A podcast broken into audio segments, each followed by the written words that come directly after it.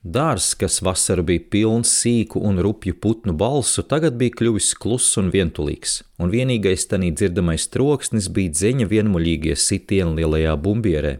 Dažreiz tur arī nikni un griezīgi iebrēcās sīļi, un kad viss apklusa, bija dzirdama vāverītes šmikstināšana. No zara zarā lēkādama tā brīžām ielēca ābelē, kas auga pie pašas istabas, un ilgi spīdošām acīm vērodama savu atspīdumu logas stiklā, devās atkal tālāki, līzdam pa koku pazarēm kā ūdens pa upes ūdeņiem. Lielais klusums vēl palielinājās pēcpusdienās, kad sākās saules staru staigāšana pa dārzu. Lai gan nebija nekāda vēja, atskanēja it kā klusa skanēšana, stariem caur lapu un zaru biezokņiem laužoties. Vienā acu mirklī tie atrada sev ceļu, un dārzs piebira pilns apaļiem, četrstūrainiem un citādiem gaismas gabaliem, kas nokrituši vai nu uz zemes, vai nu uz koku stāviem, palika tur nekustoši guļot. Tie lika iemirdzēties un spīdēt neizprotamā skaistumā, līdz tām nenovērojamām, niecīgām un pat riebīgām lietām, būdami līdzīgi māksliniekam, kas staigā pa zemi, paaugstinādams visu, kam pieskaras. Pēc šo gaismas putnu nolaišanās dārzā iestājās vēl lielāks miers, un skaidri bija dzirdams, ka dārza otrā galā, augstas lasdas galotnē, staru izlobītie rieksti, atsizdamies pret zariem, krita leju, līdz beidzot mīksti pukšķēdami novēlās nobirušās lapās.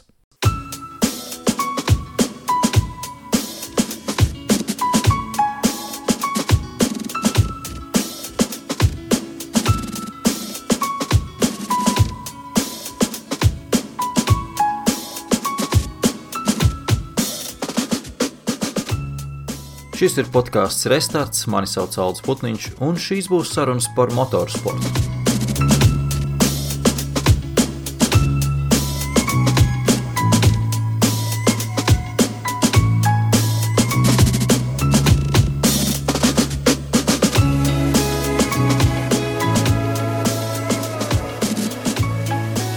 Tā Edvarda Virzas uzbūrtā aina, eleganti detalizētais dabas apraksts, tā mēs varētu to nosaukt, īsti neatbilst tam, kas ir aiz loga.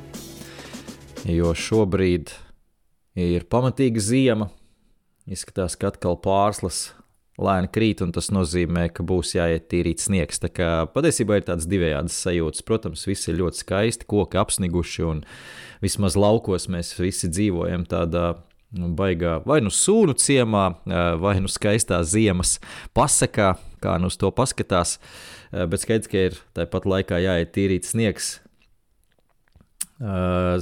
pilsētā.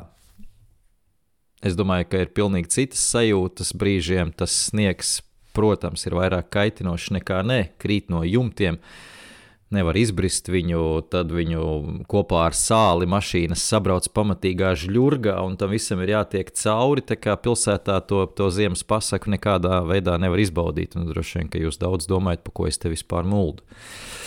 Labi, par dabas aprakstiem šoreiz tik daudz nerunāsim. Izvēlējos šo citātu no straumēniem, jo tā bija vēl viena no lietām, kas man ļoti nepatika bērnībā un skolā, kas bija jālasa milzīgi gari dabas apraksti, kur nav nekādu dialogu. Jā, tajā laikā dialogi pat likās uh, interesanti un aizraujoši.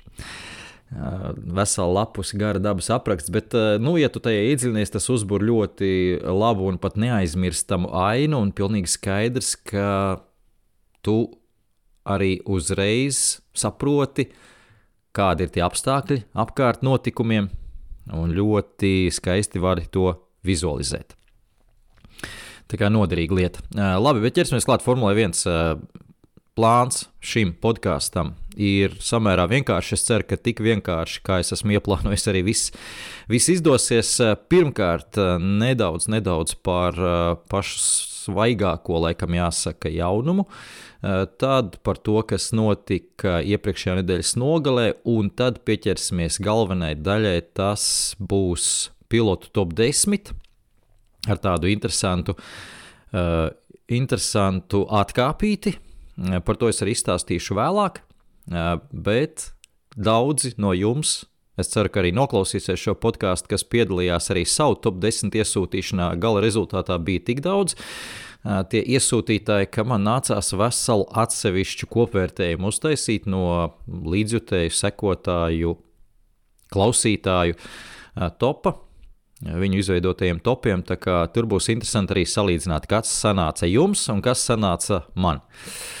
Bet sākšu šoreiz, es, kā jau teicu, ar tādu karstāku jaunumu. Uzreiz izstāstīšu to, ka šāda veida jaunumi ziemas laikā, nu, protams, gan jau ka pārāk daudz nebūs, jo izskatās, ka pilotu tirgus tomēr ir diezgan stagnējošs šajā sezonā, un īsti izmaiņas mums nebūs vispār, kas ir arī pirmo reizi. Formula 1 vēsturē tātad visi tie 20 piloti, kas bija pēdējā posmā Abu Dabī un kas uztaisīja šo kopbildi, kas ir redzama arī starp citu šī podkāsta plakātā, Tie visi būs uz starta arī pavasarī. Tātad tāds, tāds, tāda stabilitāte mums nav bijusi. Savā ziņā tā ir nedaudz arī, protams, garlaicīga lieta. Mums kā līdzstājiem patīk kaut, kādas, kaut kāda veida izmaiņas. Brīžiem varbūt ir skumīgi atvadīties no bijušiem piltiem, bet vienmēr jaunas sejas ienākšana nozīmē, ka ir kaut kādas jaunas intrigas.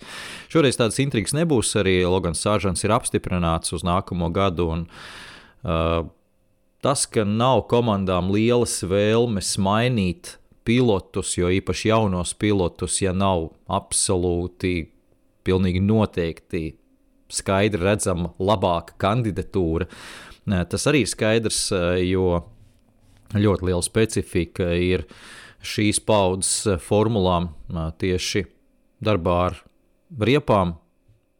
Tas, cik ļoti daudz nianses ir jāņem vērā, uh, un cik ļoti salīdzinoši ilgi ir tajā jāielaužās, tas ir tas priekšnoteikums, kas liek tomēr uzticēties varbūt ilgāk kā vienu gadu arī vienam pilotam, kā jau teicu, ja pēkšņi nav tiešām tāda spilgta alternatīva, ko likt vietā, un, un Viljams gadījumā tādas alternatīvas īsti nav. Izskatās, ka, nu, jebkurā gadījumā liekot jebkuru no jauniem talantiem, kas šobrīd ir tur Formula 2 virsotnē, vai čempionu Teo Poršēru, vai Frederika Vesti, kas ir Mercedes akadēmijā, vai Uh, Filipa Drugovičs, kas ir Aston Martin rezervists un pagājušā gada F2 čempions, nu, viņi visi tomēr nav sevi parādījuši tik spilgti, lai mēs vai attiecīgi Džeims Volvs, Viljams komandas vadītājs, noticētu, ka tas ir nākamais Verstapens vai kaut vai nākamais uh, Piastri.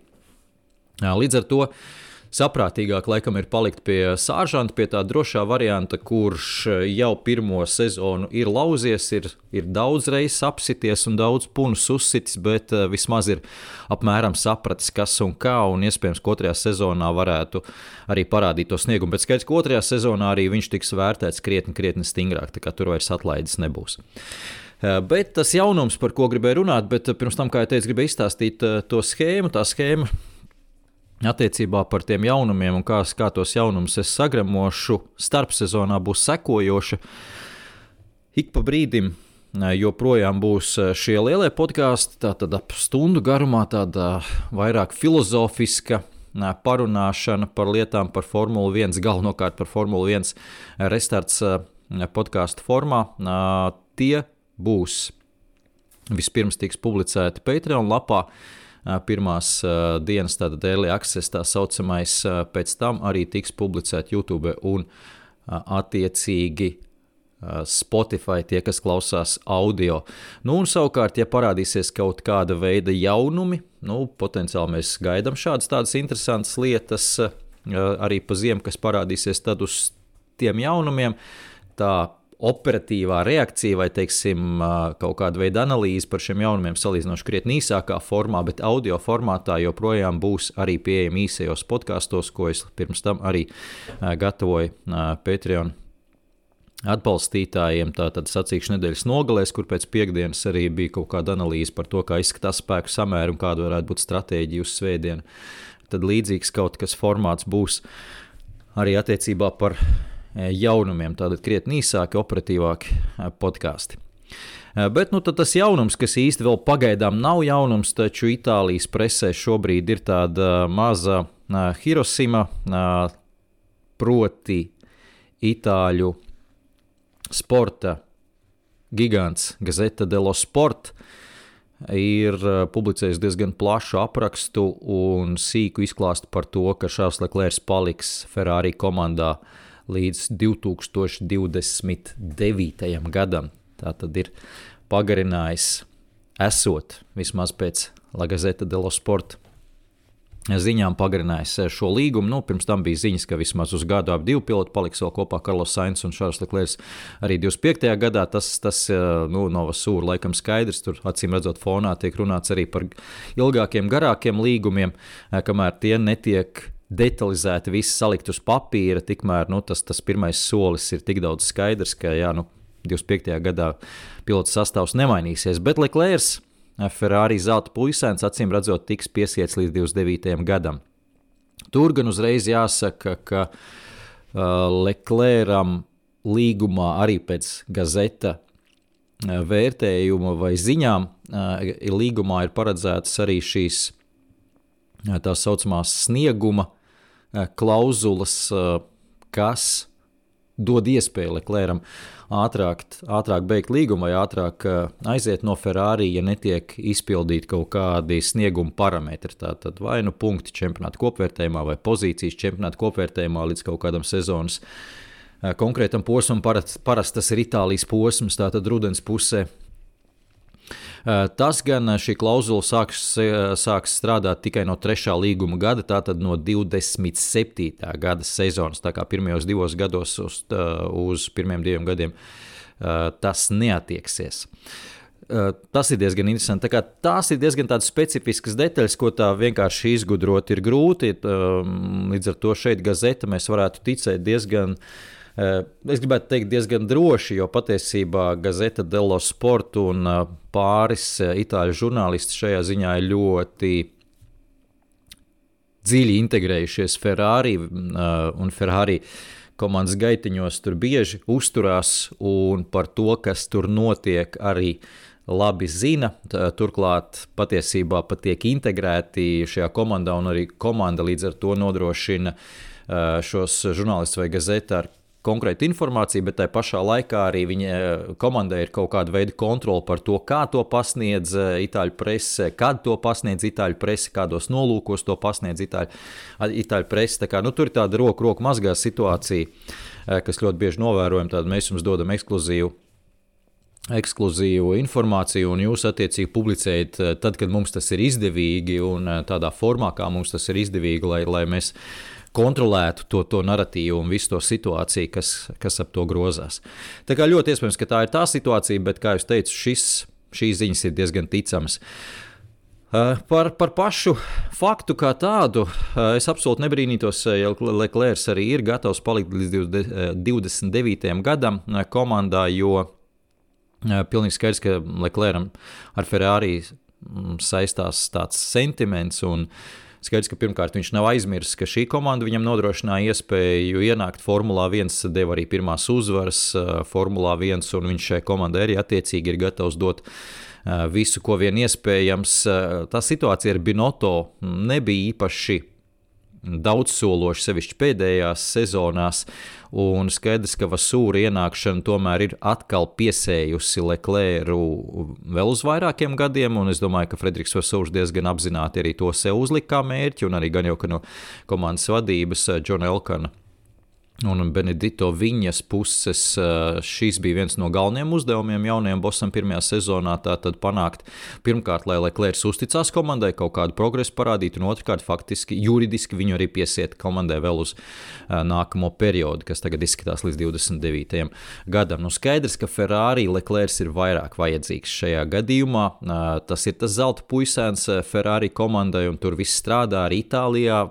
Leclerc ir Eh, superzvaigzne un uh, mīļais dēls eh, komandai, lai, lai piedod Karlos Sainz. Nu, tā tā situācija ir. Tur vairāk tiešām tās ir tās emocijas, ar ko jārēķinās. Ir, un tā emocionāli vairāk ir saistīts tieši saista visus tifozī ar Šarlu Leclerc šīs cerības. Nu, un, protams, arī šīs sezonas noslēgums nevar par zemu novērtēt šīs sezonas noslēgumu. Atcerieties, kopš Suzukas uzlabojumiem Leclerc ir atgriezies vadošajās pozīcijās, un par šo es runāšu arī top 10 pilotu laikā. Tā kā varbūt ne pārāk dziļi tur līdīšu iekšā, bet Leclerc sezonas noslēgums atgādināja par to, cik izcils šis pilots ir vienā aplī un, protams, arī sacīkšu režīmā. Un kā ar viņu, protams, ir jāsaista nākotne Ferrari. Ko dara Leclerc šādā gadījumā, parakstot tik garu līgumu ar Ferrari?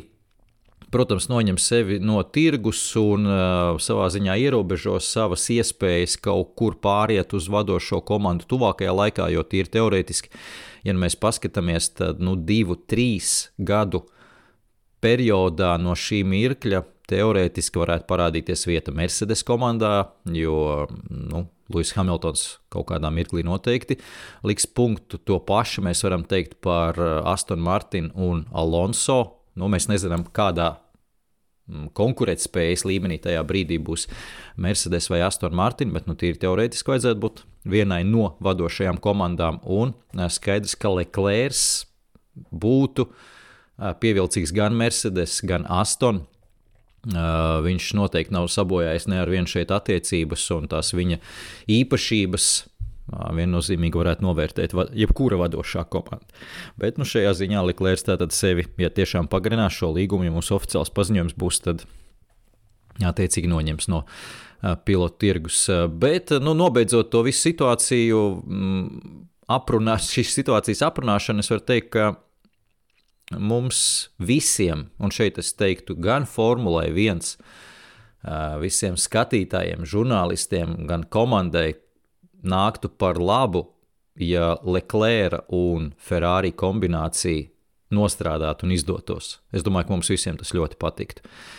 Tas tā arī tāda, kā jau teicu, tīri romantiska lieta, emocionāla lieta, zelta puisēns un beidzot izdodas kaut, kas, kaut ko izdarīt. Ferrari ilgi, ilgi uzticējās viens otram un tas dod panākumu. Tas tiešām būtu tāds skaists, skaists stāsts, viennozīmīgi. Tā kā es absolūti neesmu nepārsteigts par šādu Leclerca potenciālo palikšanu ilgtermiņā Ferrari komandā, ne arī apbēdināts. Jo, manuprāt, tā situācija ir uzlabojusies ar Vasūru. Tas ir, protams, cits stāsts, bet tās pāris lietas, ko varēja šīs sezonas laikā izdarīt no savas, savas puses, Vasūrs ir sācis darīt.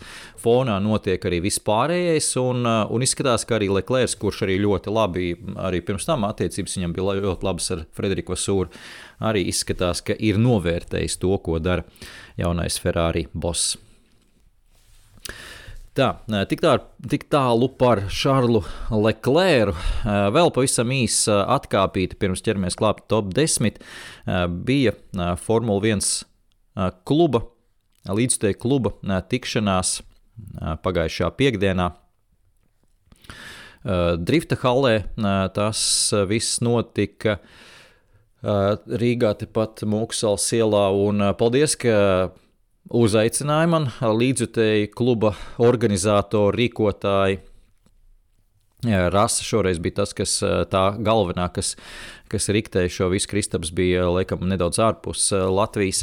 Jebkurā gadījumā līdzjutēji kluba organizatori ir baigie malači, un šeit es tiešām noņemu cepuri viņu priekšā, jo skaidrs, ka visu to dara savā brīvajā laikā, aiz, aiz entuziasma, organizē, rīko un nu, vispārējie tur, teiksim, tā arī es tajā skaitā ierodamies, sēžam divāniņos, čilojam, čatojam, dzeram maliņu, kurš nu tur dzēra aliņu, kurš, kurš nē. Bet nu, organizatoriem ir jāskatās visu, lai, lai ekrāns strādā, lai, lai skaņa ir, lai, lai scenārijs pasākumam ir, lai visi zinātu, kur iet, un visu ar organizatoriem norunāt, tā tālāk, tā joprojām balvas sagatavot. Nu, tur, ir, tur ir ņemšanās, tur ir ņemšanās. Pamēģiniet kādreiz kaut kādu pasākumu uzorganizēt kaut vai 20 cilvēkiem, 30 cilvēkiem. Tas, tas nav tik vienkārši. Tā kā jā, paldies viņiem. Jā, pilnīgi noteikti man bija iespēja arī atbildēt uz jautājumiem. Gluži kā intervija bija visu līdz tai priekšā, pēc tam arī bija jautājumi no, no zāles, ja tā var teikt. Un patiesībā tā, tā pie, pieķēra sevi pie tādas interesantas lietas, ka uh, nezinu, kas tā ir, kas tas pa kompleksu tāds ir. No manas puses, ka man uzdod jautājumu par Formuli 1, es sāku atbildēt, un es saprotu, ka es esmu iepeldējis. Nu, tā, nu, nu, vienkārši sāk ļoti izplesties ar savu atbildi. Un tad es apraujos un domāju, nu, ka nevajag, nu, es te visus garlaikoju jau sen, nu, be, ko es te pa, pa, tagad uzbāzīšos, visiem jāsēž, jāklausās manī. Un es pavisam piemirstu, ka galu galā tie taču ir Formule 1 līdzjutēji, kas tiešām ir veltījuši savu laiku, lai atnāktu uz turieni un tiešām par formulu grib arī parunāt un paklausīties un paspriedelēt. Jo ļoti bieži arī mani kādi paziņas vai draugi, kas zina, ka es um, rakstu runāju par formulu, tad viņi prasa, nu, kas notiek formulā. Un man vienmēr licies eh, šis jautājums tāds nedaudz. Uh, nu, tā kā pieklājības pēc paprasa, nu, kas notiek formulā. Līdz ar to es attiecīgi arī atbildu, nu, jā, tur, tur īsti nekas nenotiek, vai, vai nu, jā, tur, tur Verstapēns uzvarēja viss kārtībā, trijos vārdos, var teikt.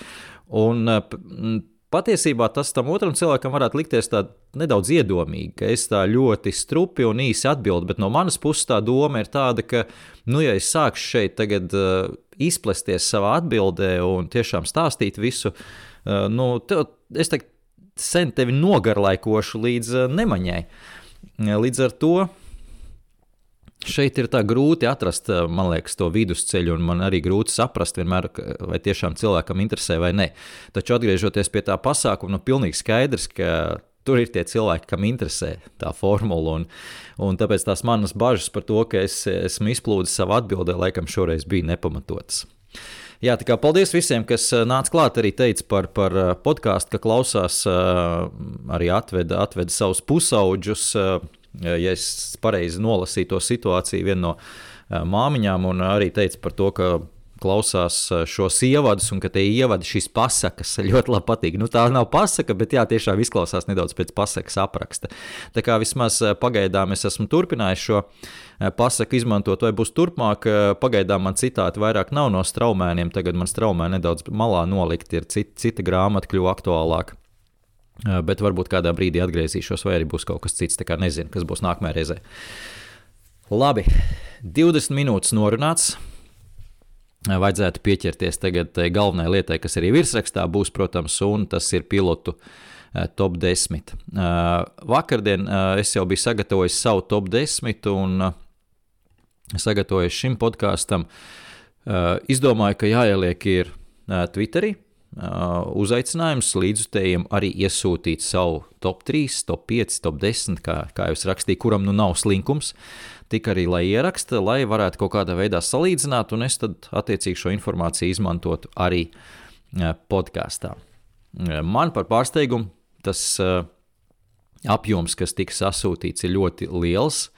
Šobrīd es esmu sācis podkāstu ierakstu, es redzu, ka vēl ir atnācis, bet, nu, diemžēl, to es vairs nevaru iekļaut kopējā Eh, kopvērtējumā, bet eh, līdz ar to es nolēmu uztaisīt līdzteju kopvērtējumu. Kopā ir iesūtīts 29, eh, tātad gandrīz 30 balsis vai, vai topi. Lielākā daļa no tiem bija top 10, tā kā cilvēki nebija slinki. Bija arī pāris pat top 3 un pat top 5, bet, kā jau teicu, nu, lielākā daļa tiešām top 10 sasūtīja. Baigie malači, Un es arī, lai tas nebūtu, tas nebūtu priekš jums zemē nomests laiks, kā jau teicu, tad ņēmu un sarēķināju, saskaitīju kopā. Uh, visus punktus. Punktu uh, dalīšana bija sekojoša, proti, ja tiek iesūtīts top 10, tad 10 punkti pirmā vietā, 9 otrai, tā tālāk uz leju. Ja top 5, uh, tad 5 pirmai, tālāk 4, un uz leju. Ja 3, tad attiecīgi 3, 2, 1. Šoreiz tā, nevis tā, ka uh, uzvarētājiem top 10, tad 9, uh, 8 un ar to beidzās, jo Nu, tas varbūt radītu tādu ne, ne, nu, negodīgu situāciju tiem kas, tiem, kas tiek biežāk izvēlētajā top 3 un top 5. Un šoreiz tie, kas varbūt nedaudz noslinkoja un iesūtīja tikai top 3, top 5, tad, tad tur arī mazāk punkti pienākās. Bet, jebkurā gadījumā, punkti daudz, punkti pamatīgi un ķersimies klāt šobrīd, pirms es sāku savējo, ķersimies klāt tātad līdzjutēju topam. Kopumā tika minēti 17 piloti. Nu, mums ir 20, nu, tīri teorētiski šajā sezonā bija vairāk pilotu nekā 20, jo atcīmēs Niks Devrīs tika atlaists, tad bija Lawsons, tad bija arī Rikārdo. Šajā ziņā tātad mēs nedaudz tikām palutināti. Vairāk piloti bija, bet 17 tika pieminēti šajos topos, un pēdējā 17. vieta tieši Liams Lausons arī ir. Viņš gan nebija nevienā top 10, bet viens no līdzstiem viņa bija pieminējis kā 11. kā ar zvaigznīti, tā kā es puspunktu arī ieskaitīju viņam šoreiz. Tā kā puspunkts Lausonam, un man ir neliels pārsteigums, ka viņš nav bijis desmitniekā. No otras puses, man arī bija nedaudz atšķirīgi kriteriji tiem pilotiem, kas nav pilnu sezonu, kā Rikārdo, kā Lausons kā Devrīs. Līdz ar to es teiktu, ka pamatot ārpus top 10, neskatoties uz labo sniegumu, Lawsons. Tālāk 16. Cunoda 3 punkti. 15. Nikola Hulkenbergs 4 punkti, 14. Estebans Okons 4 punkti, Džordžs Rasels, dāmas un kungi, jūsu vērtējumā ir ārpus desmitnieka kopvērtējumā.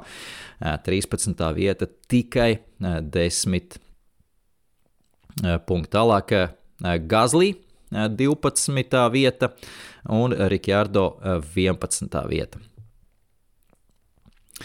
Tā, katrā ziņā šeit līdz esam tikuši šobrīd līdz desmitniekam.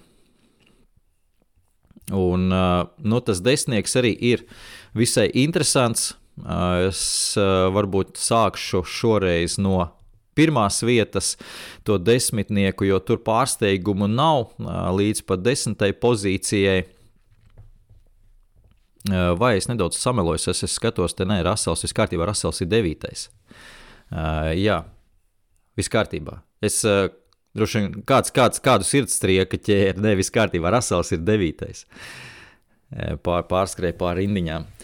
Tā kā ir desmitniekā. Bet sākšu no pirmās vietas. Šoreiz Verstapens bez variantiem. Pirmā pozīcija 186 punkti. Lielākā daļa no līdzjutējiem, skatītājiem, klausītājiem viņa arī lika pirmajā vietā. Bija pāris otrās vietas, bija pāris arī kas neielika vispār top 10, eh, nu, tas droši vien ir nedaudz pārspīlēti. Es, es, mēs nekad nevaram izvairīties, protams, arī no tādiem topiem, kas ir ļoti, ļoti subjektīvs, un es to absolūti saprotu, bet nu, kaut kāda taisnība. Es domāju, ka tomēr saskaitot 29, 29 eh, cilvēku balsojumus, kaut kāda taisnība tur izkristalizējas. Un pat ar visu to subjektivitāti, kas, kas tajā visā ir, nu, skaidrs, kādam patīk vairāk sains, viņš ieliks otrajā vietā, nevis, nevis teiksim, cits ne vispār neielikt desmitniekā. Tā kā, nu, Kopumā es teiktu, ka es arī skatījos tos topus, es piekrītu 80% topiem. Es piekrītu, jo šī nav precīzā zinātne, kā es, kā es vienmēr saku. Te tiešām tas vairāk ir pēc izjūtām. Tieši tāds pats būs arī mans tops. Tur nebūs precīzā zinātne. Es nesaku, tagad, nu, re, kā jūs sabalsojat, bet tagad es teikšu savu pareizo versiju. Nē, protams, nē. Tur mēs varam daudz strīdēties un daudz, daudz runāt un diskutēt par to, kas ir pareizais un nenonākt līdz gala, gala rezultātam. Tāpatās.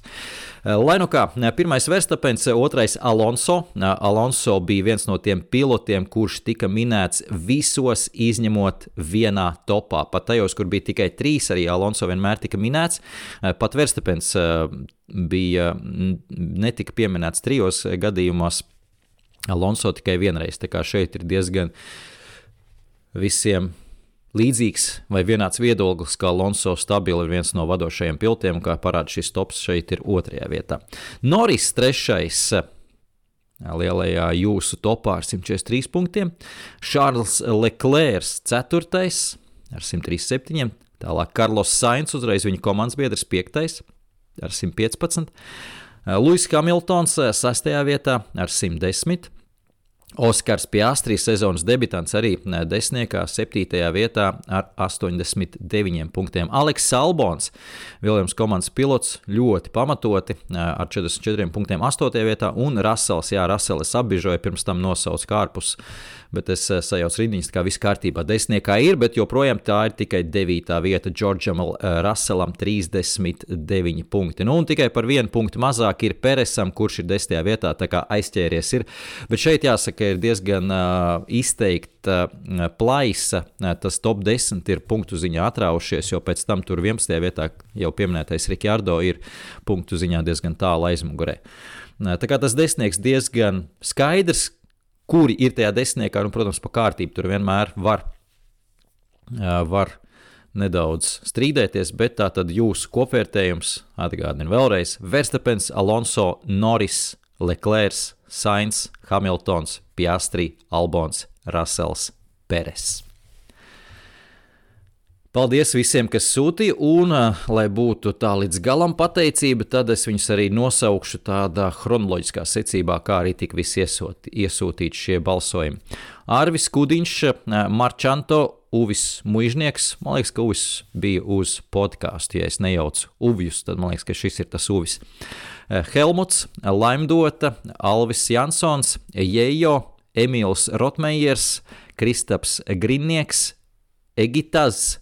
Toms Mankus, students, Kristaps Limanovičs, sveiks, Kristap, eh, Kaspars eh, Bernāts, eh, Alejas ielas Pēteris, Artūrs Freibergs, Lukstiņš 88, Lauris Džeriņš, Liene Ozoliņa, Santa, Edijs, Elīna, Anna, Oskars, Elvijas Reķis un Gunters. Es ļoti ceru, ka visus nosaucu. Ja nu kāds man kaut kur ir paslīdējis garām, tad uh, piedošanu, ka neesmu nosaucis. Droši, droši ierakstiet uh, kaut ko Twitterī, nelāgu, ka esmu jūs piemirsis. Tā kā paldies visiem, kas atsūtīja. Kā jau teicu, man patīk patiesībā šāda, šāda komunikācija ar līdzjutējiem, jo arī visciešākā veidā varu pārbaudīt. Tad, jo es savu topu, kā jau teicu, uzrakstīju pirms tam, tā kā neesmu no jums ietekmējis un arī neesmu neko izmainījis, goda vārds. Un dažas lietas ir atšķirīgas. Man nav viss tas desmitnieks, kas sanāca jums, kas, kas patiesībā izklausījās ļoti loģisks. Nu, piekritīsiet, tas top desmitnieks, pat ja mēs noliekam to visu uh, objektivitāti un subjektivitāti malā un uh, antipātijas malā, nu, tad šis top desmitnieks, es teiktu, ka ir kopumā pilnīgi loģisks, teiksim tā, un nevienam neizraisītu uh, milzīgu, milzīgu pārsteigumu. Kā jau vienmēr, protams, tur var pa pozīcijām pāris strīdēties, bet, bet uh, jūsu desmitnieks sanāca ļoti objektīvs. Tātad kaut kas varbūt manā nebūs līdz galam objektīvi. Kā jau teicu, arī iepriekšējā gadā, kad es taisīju šo top 10, tad uh, šis nav absolūti kaut kādos aprēķinos balstīts, pat uh, punktos nav balstīts. Tas tiešām ir uz izjūtām. Uh, nedaudz uz sajūtām, uz to, kāds pilotam ir bijis sniegums, ņemot vērā viņam pieejamo formulu. Jo, manuprāt, tas ir tas aspekts, ko arī, protams, ir ļoti grūti novērtēt un saskaitīt un uzlikt uz papīra ciparos, tātad cik slikta mašīna ir tam pašam Aleksam Albonam, lai, lai mēs viņu liktu tajā top 10 vai nē. Tas, tas nav viegli izdarāms. Tāpēc, tāpēc šeit ir tas vieglākais ceļš, ir neiet zinātniskajā virzienā, bet nu, tādā izjūtu līmenī. Un paļaujoties to, es esmu arī šo top 10 eh, sagatavojis. Eh, uzreiz eh, nosaukšu tos, kas man netiek topā. Strauls, Lans Strauls. Nav man īsti pat ko piebilst par Lans Strolu. Par šiem es droši vien nerunāšu īpaši, ja jau netiek, tad netiek. Un uh, par viņiem ir runāts sezonas laikā, kas, kas, kas ir tās problēmas, kāpēc ir tās problēmas. Varbūt mēs visi līdz galam arī nezinām, lai nu kā.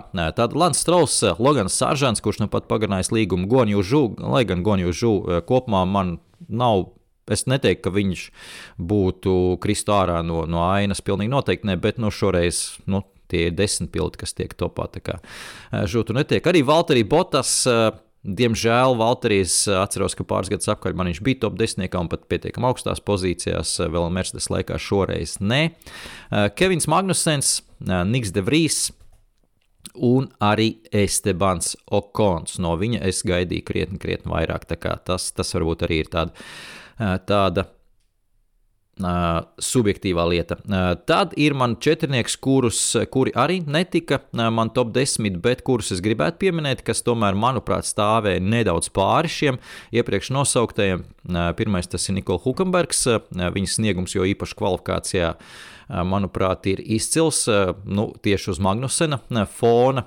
Tas, ka neļauj Hāzs formulu parādīt to sniegumu arī sacīkstē, tas ir ļoti iegriezis, manuprāt, Nikola Hukenbergam, jo pretējā gadījumā viņa uh, atgriešanās varētu būt viens no tādiem skaistākajiem uh, stāstiem bijis. Tas viss palicis nedaudz nepieman, uh, nepana, nepamanāms, un Nikola Hukenberga sniegums vairāk ir novērots tieši kvalifikācijas laikā. Daniels Rikārdo, šeit gan es nemaz neliekšos, ka man uh, ļoti patīk Daniels Rikārdo, bet nu, negribēju gluži likt viņu. Patiesībā pat nevis negribēju, bet top 10 viņam nepienākās vieta, jo viņš pilnu sezonu nav startējis. Lai nu startē nākamgad pilnu sezonu un parāda, ka ir cienīgs šajā top 10 būt, un gal galā pirmais darbs, kas jāizdara, viņam jāpārspēj Cunoda.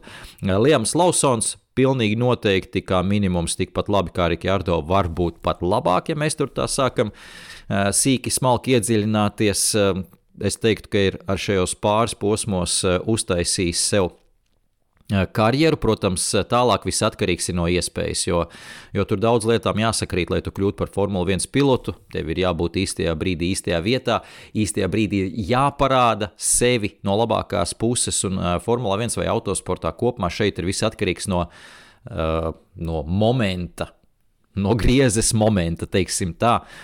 Jo arī tie Formule 2 čempioni šobrīd. Nu, viņi, tas pats Teo Puršērs vai pagājušajā gadā atceramies arī Filipa Drugovičs, kurus jau pieminēju. Viņiem nebija momenta tajā brīdī. Proti, jā, viņi kļuva par čempioniem, bet viņi savas karjeras, gan viens, gan otrs savas karjeras, to ritējumu un to līkni augšupejošo nebija noslēguši ar šo Formula 2 čempionu titulu, tādā veidā vēl vairāk paceļot to līkni debesīs. Viņiem faktiski tā līknē jau bija vai nu sākusies lejupslīde jau Formula 2 karjeras laikā, vai, vai nu tāds, tāds iestājies tāda neliela regresija. Abiem, starp citu, diezgan līdzīga, jo Teopuršērs pirms gadiem trim, diviem bija ļoti tāda augšupejoša līkne. Viņam bija rītīgs griezes moments. Viņa, viņš pēc F3 uzreiz Formulā 2 un Formulā 2 turklāt jau pirmajā gadā viņam tur bija sezonas sākumā, ja nemaldos, kaut kāda uzvara sprintā, un tajā brīdī visi runāja par Teo Poršēru. Un, uh, diemžēl viņš nespēja noturēt to griezes momentu līdz sezonas beigām, tādā augšupejošā virzienā neparādījās iespējas viņam līdz ar to ienākt Formulā 1, un pēc tam viņam tā Formula 2 karjera atlikušajā pagājušajā gadā un šajā gadā nu, ir tāda nu, nedaudz mocības. Pat salīdzinot ar Frederiku Vesti, kur viņš pārspēja čempionāta kopvērtējumā.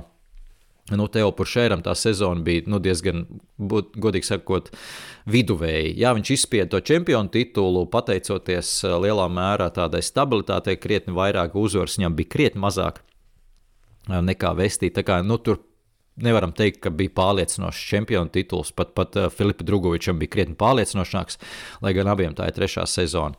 Tā kā ar to es gribu teikt, jā, šis nav šis, šis moments. Un uh, Lausons, kā jau teicu, labi izmantoja šo, šo brīdi, jo viņš jau tad bija savas akcijas pacēlis superformulu čempionātā.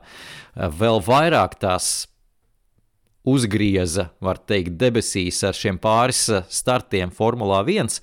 Nu, un tālāk jau viss ir atkarīgs no tās izdevības, vai tu esi pareizajā brīdī, pareizajā vietā, arī attiecībā par uh, pilotu tirgus situāciju. Un šogad, kā mēs redzam, ļoti stagnējoši tas pilotu tirgus ir ļoti stabils, tā iespēja neparādījās Lausonam, bet uh, visi zina, cik viņš ir labs, faktiski tuvāk, tuvākie 12 mēneši, nu vairāk vairāk, vairāk inerce nebūs tam viņam, viņa griezes momentam, kā 12 mēneši.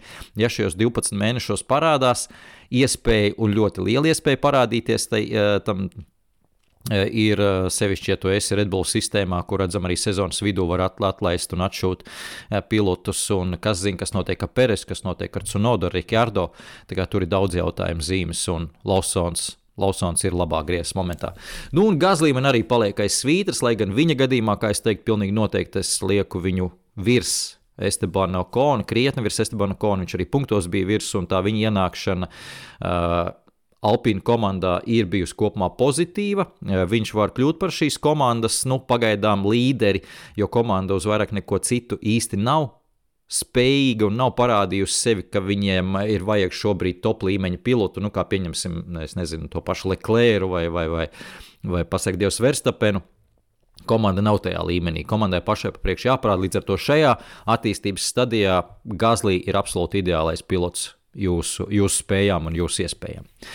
Tātad tie ir tie, kas palikuši aiz svītras. Tātad pirmā grupiņa, kuras nebija īsti vērts pieminēt, otrā grupiņa, kuras jāpiemina, uh, angļiem ir tāds teiciens, honorable mentions, nu tad šie man bija tie godpilnā pieminēšana. Nu, un pirmais pilots aiz svītras, kas ir vēl virs tiem, tā tad 11. pozīcija, var teikt, es tā šmaucos pats savus noteikumus nedaudz sagrozu. Tas ir Peres. ilgi man tie 11 piloti kaut kādā veidā grozījās pa galvu, arī domājot par šo top 10, un man visu laiku bija grūti atmest kādu, un beigās izrādījās liekais peres. Un šeit jāsaka, tas nebija viegli, tā kā tas nebija tā kā es automātiski nu, peres slikta sezona, jo mēs nevaram teikt, ka slikta sezona. Sezonas sākums bija labs, tuvu lielisks, diemžēl tas bija ļoti īsu mirkli, un uh, Nevar tik vienkārši arī teikt, ka tajā sezonas sākumā, varbūt pirmajos četros posmos, viņš pārspēja Verstapenu. Viņš, protams, bija labāks uh, divos posmos, un es teiktu, ka uh, Saudarābija viens no spilgtākajiem vispār ņem sezonas momentiem bija. Uh, taču jāņem vērā, ka tobrīd tā formula bija atšķirīga. Ļoti, ļoti veiksmīga priekš Peresa, tai pašā laikā salīdzinoši uh, kopumā arī objektīvi. Šeit, šeit nav runa pat par Verstapena vai Peresa tādu pilotēšanas stilu, bet objektīvi tā formula bija ar mazāku potenciālu, ar krietni mazāku potenciālu, ja viņa paliktu mm, šādā. Šādos regulējumos, vai, vai tas, tie, tie, tas ierobežojošais faktors, kas bija sezonas sākumā, ja tas saglabātos, tad sezonas izskaņā konkurenti pilnīgi noteikti būtu noķēruši Red Bull. To atzina uh, dažādos veidos eh, Red Bull vadība, arī Piers Vašē vienā no intervijām teica, viņš gan daudz nerunā, bet viņš runā, tad ir vērts paklausīties viņu. Viņš arī teica, ka ja mēs būtu palikuši eh, pie tā virziena, ko izmantojam sezonas sākumā, un tas, kas krietni patīk no piltēšanas stila vairāk Peresam, tad sezonas jau pusē konkurenti būs, būtu mūs noķēruši un apsteiguši. Tā uh, Peresam ir līdz ar to, varam teikt, tas ierobežojušais faktors, jo mm, Verstapens ar uh, šo formulu, kas nebija viņa stilam tik ļoti atbilstoši, jo viņš un arī Šarls Leclerc ir ļoti izteikti piloti, kas strādā ar ārkārtīgi asu priekšējo asi, ar līdz ar to vaļīgu salīdzinoši aizmugurējo asi. Par to jau ir arī daudz runāts, un uh, viņi uh, ar šo kustīgo aizmugurējo asi attiecīgi manipulē krietni veiksmīgāk, krietni dabiskāk, tādā veidā arī panāk mašīnas rotāciju līkumā. Tā aizmugure izslīd, un viņiem tas neiet mm, neiet eh, pret spalvu, teiksim tā, viņiem tas ir dabiski arī, viņi spēj to, kā jau teicu, spēj to kontrolēt. Eh, Peresam savukārt tas ļoti visus instinktus grauj tajā brīdī, kad tā aizmugure izslīd, tas uh, faktiski liek piltam uzreiz kaut kādas pretreakcijas veidot, tā tad nevis tas iet viņa dabiskā braukšanas stilā, bet uh, viņam sajūt, ka jārēģē uz to ir. Un, un izsit no līdzsvara. Tātad gan Peres, bet ne viņš nav vienīgais. Nav tā, ka Peres tagad no rētu nemāki tā braukt. Ir ļoti daudz pildu, kam tas, ka, kam tas ielien zem ādas šāds, šāds stils formulas, bet tas ir ātrākais braukšanas stils. Tas ir arī, nu, pietiekami objektīvi un matemātiski pierādāms, ka nu, šāds nevis pat piltēšanas stils, bet šāds formulas regulējumu stils ir ātrāks un tāda formula potenciāli ir ātrāka nekā Tātad pretējā virzienā ja būtu, ja stabila, priekš, aiz, stabila aizmugure un priekš nedaudz vaļīgāk, tātad nepietiekama pagriežamība latviešu izsakoties. Līdz ar to, jā, Pēres sezonas, var teikt, vidusdaļa bija graujoša, graujoši slikta, kas lielā mērā arī izdzēsa sezonas sākuma panākumus, un savukārt eh, tie, kas varbūt slavēja sezonas noslēgumu, nu pēdējos mēs varam rēķināt četrus posmus, tad es teiktu, ka Peres knapi bija atpakaļ līmenī, kurā viņam būtu jābūt stabili visu sezonu, un pat arī ne, ne līdz galam. Eh, es teiktu, ka ja šāds sniegums, kā viņam bija pēdējos četros posmos, ja būs visu nākamo sezonu, tad ar to būs kripatiņu par maz lai noturētu vietu Red Bull komandā un lai pildītu to savu pienākumu vai, vai to savu uzdevumu, ko no viņa gaida Red Bull komanda. Jo Red Bull komanda no viņa gaida, ja Maks Verstapens mums dominē, tad tev ir jābūt otrajā vietā arī kvalifikācijā, arī sacīkstē faktiski ar minimāliem izņēmumiem un visu sezonu. Tā ir tā, tā galvenā lieta, stabilitāte. Tā kā par Peresu jau minēju, Peresam tika uztaisīti arī testi, īpaši šajos pēcsezonas testos. Uh, tieši Peresa testi, to mēs tā varam saukt. Verstapens jau sen bija, bija atpūtā kaut kur. Tā kā mēs nevaram teikt, ka Red Bull šeit necenšas un nestrādā uz Peres, pilnīgi noteikti cenšas un strādā. Bet līdz ar to esam nonākuši līdz desmitniekam. Tā man jāpadzerās, jāiedzer ūdens. lai varam uztaisīt atvēzienu beidzot pie tā top 10. Nu tad, dāmas un kungi, desmitā vieta uh, Juki Tsunoda. Ļoti maz no jums bija arī pieminējuši Juki Tsunodu. Kā jau minēju, viņš bija ārpus punktiem. Nu, trīs, trīs cilvēki viņi bija ielikuši desmitajā vietā vēl no 29. Uh, tā kā es šeit pilnīgi noteikti Viņu vērtēja ļoti augstu sezonas otrajā daļā. Protams, kļūdiņas bija arī šogad, jo īpaši sāpīgi kļūdiņam bija Meksikā. Jo mēs varam teikt, ka Daniels Rikjārdo izgriez pogas Jukits un Odam, un, nu, paskatoties ciparos, tā arī ir Kanādā, es atvainojos, Meksikā, jo īpaši, kur atceramies top 6. Danielam Rikjārdo kvalifikācijā otrā starta rinda. Tomēr Jukits un Oda ar kļūdu kvalifikācijā sev nogriez visas, visas cerības uz labu rezultātu, un tas, tas faktiski viņš būtu kā minimums turpat bijis, kur, kur Daniels Rikjārdo. Bet sezonas pēdējais posms un arī kopumā ļoti daudz posms šīs sezonas laikā, kad arī Alfa Tauri vēl nebija šos uzlabojumus veikuši, ļāva Jukits un Odam tomēr joprojām cīnīties par punktu robežu, faktiski par pēdējiem punktiņiem. Un, uh, tieši uz viņu arī komanda paļāvās tajā brīdī, kad sezonas izskaņā nāca šie punkti, šī cīņa par pēdējiem punktiem, cīņā par septīto vietu, kas gan tā arī noslēdzās par labu Viljams komandai. Bet atceroties pēdējo posmu, tur arī uh, Cunoda skaisti, eleganti, precīzi gal galā jātiek līdz finišam bez, bez sadursmēm. Un uh, man ļoti patīk, uh, ka tas tā notiek. Es esmu dzirdējis arī daudz kritikas uh, Cunodas virzienā. Man, es piekrītu, man arī nepatīk šāda uh, lecīga nostāja un lamāšanās kā tādam vecam jūrniekam, bet uh, tas man netraucēja, ja Cunoda spēja demonstrēt solīdu sniegumu. Un es teiktu, ka šajā sezonā viņš turpat uz robežas ir, lai es teiktu, ka tas bija ļoti solīds sniegums no Jukits un Odas. Un kas ir tā galvenā lieta, kas, kas no tā izriet. Tā galvenā lieta ir tā, ka nebija tā, ka ienāca Daniels Rikjārdo, kuru mēs tagad sakām, ka jā, Daniels Rikjārdo ir atgriezies, ir to mojo atguvis un, un izskatās, ka viss baigi labi ir, ka tagad viņš sit pušu Jukits un Odu un te, te bez variantiem noliek uzreiz pie vietas. Nu, redzējāt, ka nav tā, kvalifikācijā viņiem ir vienāds rādītājs kopējās sacīkstēs bijis 3-3 eh, pirms pēdējā posma un 4-3 pēdējā posma. Attiecīgi, Cunoda bija izvilka to pārsvaru eh, kvalifikācijas eh, režīmā. Un tas nozīmē, ka arī nākamajā sezonā mēs varam paļauties uz Cunodu kā uz diezgan adekvātu mērauklu, lai mērītu arī Daniela Rikjārdo spējas un sniegumu. Tā kā visu cieņu Cunodam! Viņam ir, protams, jāspēr nākamais solis tajā savā attīstībā. Viņš jau vienreiz ir caur savu radats acis izsprucis eh, un palicis Formula 1, eh, kad, kad izskaties, ka varbūt varētu arī nepalikt. Tā kā jāizmanto tā iespēja. Tālāk, devītā vieta - Džordžs Rasels. Nu, ļoti eh, izskatās tāda interesanta situācija. Ar Džordžu Raselu jau, jau nepieminēja viņu pie top 10 jūsu topā, bet ne viss kārtībā. Arī jums darbie draugi. Viņš bija devītais, arī man viņš ir devītais šajā gadījumā. Pārliecinoši sezonas laikā, ja mēs tā kopumā uz sezonu skatāmies, pārliecinoši zaudējis ir punktos Luisam Hamiltonam.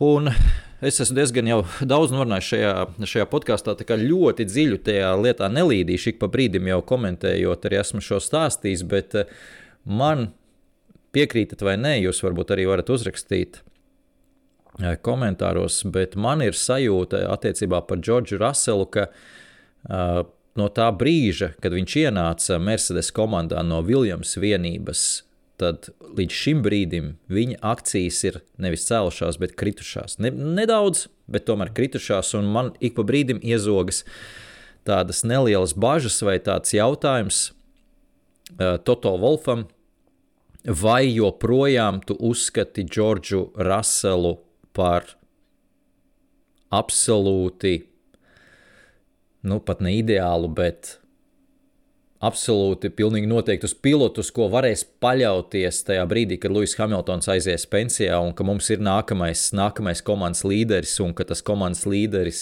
uh, nebūs ne kripatiņu sliktāks par Lūsis Hamiltonu un varēs, varēs aizstāt viņa atstāto caurumu milzīgo. Protams, tas, ko atbildētu Toto Volfs šobrīd, neatbilst varbūt patiesībai, ko viņš patiesībā par to domā. Bet nu, arī jūs padomājat, vai tiešām ir tā sajūta, ka ir tajā līmenī. Jo nevaram mēs teikt, ka tas tagad ir pirmais gads, un, un, un, un vēl, vēl jau būs tikai. Un, un šeit es nenāju, ka viņš ir slikts vai kā, bet ir tāda sajūta, ka ir viņam joprojām niansītes, kas līdz galam nav noslīpētas, un vai tās varēs viņš noslīpēt un izskaust, nav pārliecības. Viņš ir labs daudzos elementos un lielisks, un tad sākas tādas mazas, mazas, mazas problēmiņas, tā, kas, kas gala rezultātā, diemžēl, var nospēlēt milzīgu lomu. Jo atcerieties to pašu 21. gada sezonu, ko es ik pa brīdim pieminu, jo, manuprāt, tas ir uzskatāms pierādījums uh, vismaz attiecībā uz šiem diviem pilotiem, ka tie divi piloti ir citplanētieši.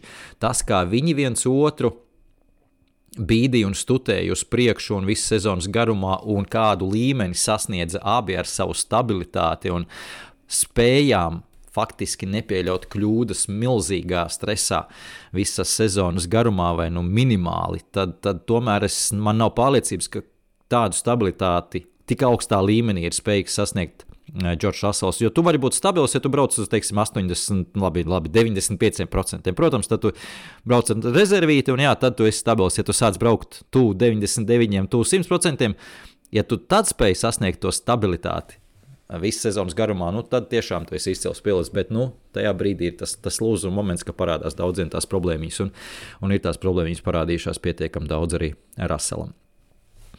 Tālāk, astotā vieta - Karlos Sainz. Karlos Sainz karjera, tā karjera, nevis karjera, bet sezona arī tā diezgan interesanta, kā pa kalniem lejām. Un, protams, tas jāņem viss kontekstā ar Leclerc, par viņu es vēl runāšu, un arī kontekstā ar Ferrari attīstību.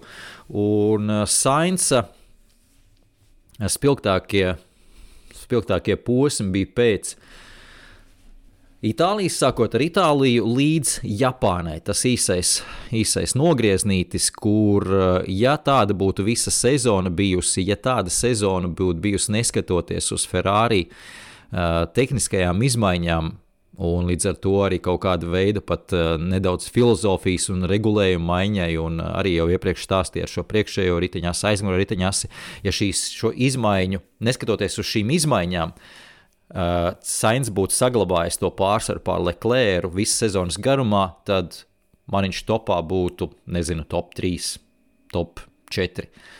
Un pilnīgi noteikti virs Leclerc. Eh, taču viņa spilgtākie tie pāris posmi pienāca tajā brīdī, kad tiešām tā mašīna bija ļoti, pirmkārt, salīdzinoši atbilstoša viņam, eh, salīdzinoši neatbilstoša Leclēram, vairāk paļaujoties uz aizmugurējo riteņa asi, un turklāt viņa uzvara nāca arī tieši, tieši tajā īsajā nogriezienī, kad, protams, arī paslīdēja kāja Redbullam. Tur mēs nevaram noņemt uh, nekādas, protams, uh, panākumu laurus, atņemt uh, Sainsam par to uzvaru. Tā galu galā ir vienīgā ne Red Bull uzvara, un paldies Karlosam, paldies Verārī. Bet, kā jau teicu, tas viss jāņem ir kontekstā. Tā situācija tur bija daudz faktori, kas, kas tobrīd ierobežoja Leclēru. Tajā skaitā, starp citu, arī sacīkšu stratēģiju, bet šeit gan es absolūti neko nepārmetu Ferrari. Manuprāt, Ferrari jāturpina. Tā ir pie, piemērota ar tik diviem līdzvērtīgiem pilotiem salīdzinoši vismaz. Kā Sainz un Leclerc, tad šī situācija, kad otrais pilots kvalifikācijā strādā uz pirmo attiecīgi, tāds likums vai, vai tāds iekšējais noteikums ir ļoti atbilstoši. Protams, tie noteikumi mainās tajā brīdī, ja pirmais varbūt tur sapinās meistarībā, varbūt aizķerās vai sadursme, vienalga. Tad, protams, tas viss uh, vairs nav jāņem vērā, bet redzējām, ka Šārs Leklērs strādāja uh, Singapūrā uz Kalos Sainsu uh, Monsā. Atļāva viņiem savā starpā cīnīties. Tas bija pašā beigās, kad konkurenti jau nebija sasniedzami un Sainz noturēja to pozīciju. Arī viss cieņa viņam par to, savus spilgtāko karjeras sadunājos, sezonas, sezonas to nogriezni viņš atstrādāja lieliski. Un, kā jau teicu, ja būtu tāds sniegums attiecībā pret Leclerc visu sezonas garumā ar dažādiem stiliem formulas, tad šeit neko absolūti viņam nevarētu pārmest, bet citādi tomēr tikai astotā pozīcija. Ejam tālāk, Aleks Albons. Aleks Albons, tā es apstīšos Ācis Sainz, kur bija, lai salīdzinātu jums. Sainz bija jums piektajā pozīcijā, tā kā vainums no jums nepiekrīt man uzskatu viņu par labāku pilotu. Viss kārtībā, es neapbižojos. Es ceru, ka jūs arī, ka es viņu tik zemes nolicis. Albons man ir septītais, jums ir bijis astotais. Visiem kombinācijā, protams. Jā, Aleks Albons jau sezonas vidusdaļā mēs runājam par Aleksu Albonu kā par pilotu kurš ir pēkšņi atkal atgriezies krietni vairāk vadošajā pilotu grupiņā, un šobrīd varētu būt tāds melnais zirdziņš pilotu tirgu. Tas, protams, ir uz 27. gada sezonu, ap citu, ui, kas mūs sagaida. Vai man jau siekals pilni muti ir. Kas mūs sagaida 27. gada sezonā ar pilotu tirgu, tur būs lielā pamatīgā staigāšana. Izskatās, ka mums ir tā, tā iekrits, ka mums uz tiem pāri gadiem tie, tie līgumi varētu būt saslēgti lielai daļai piloti. Tagad nepāri gadā, 23. mums nekas nenotiek īsti. Nu, lai nu kā, arī Albons būs spēlētājs tajā tirgu, ja nepagarinās jau laicīgi līgumu ar Viljams, ja Viljams un Džeims Vals nu, nepiesies Albonu, neparādot, ka redz, mēs spējam progresējam, esi daļa no komandas, būvējam to komandu kopā un strādājam turpmākos piecus gadus un, un ceļam to komandu, un tu varēsi arī tos, tos laurus plūkt. Kas, arī, kas, kas ap citu arī kā process, ka tu esi tomēr svarīga sastāvdaļa tam, tam uh, procesam, tas ir vienmēr arī pilotiem svarīgi. Un reizēm pat piloti varbūt ir gatavi arī nedaudz upurēt to, to tūlītējo panākumu šāda procesa dēļ, jo šeit ir varbūt ne tik ļoti tas rezultāts, protams, vienmēr rezultātam ir nozīme, protams, bet tas process pats ir krietni baudāmāks. Un varbūt arī Albons būs gatavs tajā procesā līdz ar to ieguldīties. Redzēsim. Katrā ziņā tas ir vēl viens stāsts, kur ļoti gribētos man arī redzēt. Tas arī tāds pelnrušķīts stāsts gan pašam Albonam, gan Viljams komandai. Un, un ļoti labi liktu justies mums visiem. Galu galā tā ir Viljams komanda, kur gan no oriģinālajiem īpašniekiem nav vairs nekas, bet par laimes maz no, no, nosaukums palicis. Kā, jā, šajā ziņā uh, ar Albonu tā, tāda interesanta lieta, un jāgaida, kā viņam nākamā sezona ies. Uh, un vēl par Albonu vismaz no Viljams komandas uh, ar Albonu, kāpēc es viņu ieliku arī 7. vietā. Bija tā situācija, labi, Seržants varbūt ļoti kritārā no tās ainas, bet ar Albonu bija uh, Viljams pārliecība absolūta, ka lai kāda būtu apstākļi nedēļas nogalē, eh, lai kā komanda sagatavotu no savas puses formulu, Albons trasē izspiedīs no tās mašīnas visu, ko tā mašīna ļauj izspiest, un plus vēl mazdrusciņu. Uh, un, nu, protams, tur vienmēr ir kaut kāda neliela izņēmuma, bet uh, tādu pilotu nav daudz. Es teiktu, ka Alonso vēl tajā grupiņā ir. Un, uh, nu,